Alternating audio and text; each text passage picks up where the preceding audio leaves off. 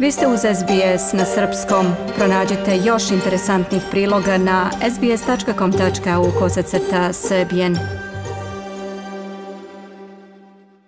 Više hiljada ljudi se sinoć skupilo ispred Town Hall zgrade u centru Sidneja u znaku protesta protiv trenutnog stanja u toj državi. Požari koji gore od početka novembra i dalje prete stanovništvu širom Novog Južnog Velsa, a preko 5 miliona građana u Sidneju je u utorak jedva disalo zbog opasnih nivoa zagađenja. Zdravstveni problemi, ekološki problemi i naravno socioekonomski problemi ljudi koji su izgubili kuće i morali da se evakuišu su bili tema sinoćnih protesta. Mediji kažu da je na ulicama Sidneja bilo i do 20.000 ljudi. Oni su od Town Hall zgrade krenuli ulicama do Hyde Parka. Razni članovi zajednice kao i političari zelenih i iz lokalne vlade grada Sidneja su se obratili demonstrantima. Među govornicima je bio i stariji član autohtone zajednice Australije Elda Bruce Shillingsworth koji je okupljenima rekao da političari moraju pokazati veće poštovanje prema zemlji i prirodi koja je stara više hiljada godina. Poslaćemo im poruku, direktnu poruku da je ovo neprihvatljivo, ovo je naša planeta, mi moramo ostati ovde da živimo, nema gde da pobegnemo, moramo zaštititi što je naše, poručio je on. Demonstrantima se obratio i mladi aktivista Gavin Walker, takođe član autohtone nacije Australije. On je rekao da je nepoštovanje prema australijskoj prirodi i direktan udarac na prvu naciju Australije i na sve ljude koji i dalje žive u harmoniji sa čovekovom okolinom. Rekao je da političari koji iskorišćavaju lokalno stanovništvo manjih ruralnih mesta kako bi eksploatisali prirodne resurse nisu samo protivnici teorije klimatskih promena, nego su, kako je on rekao, i rasisti jer ne uključuju mišljenje autohtone zajednice, niti poštuju njihova prava ni zakone.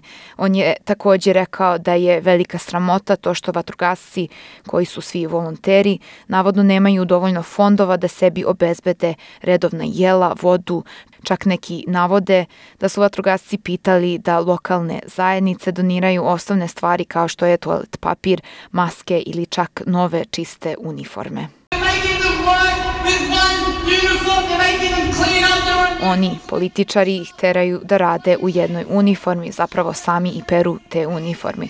Samo što im ne kažu ajde pa sami nađite creva za vodu i naoštrite motorne testere da bi posekli ovo drveće. Mi ne možemo da se oslonimo na vlast, na političare, možemo samo sami sebi da verujemo.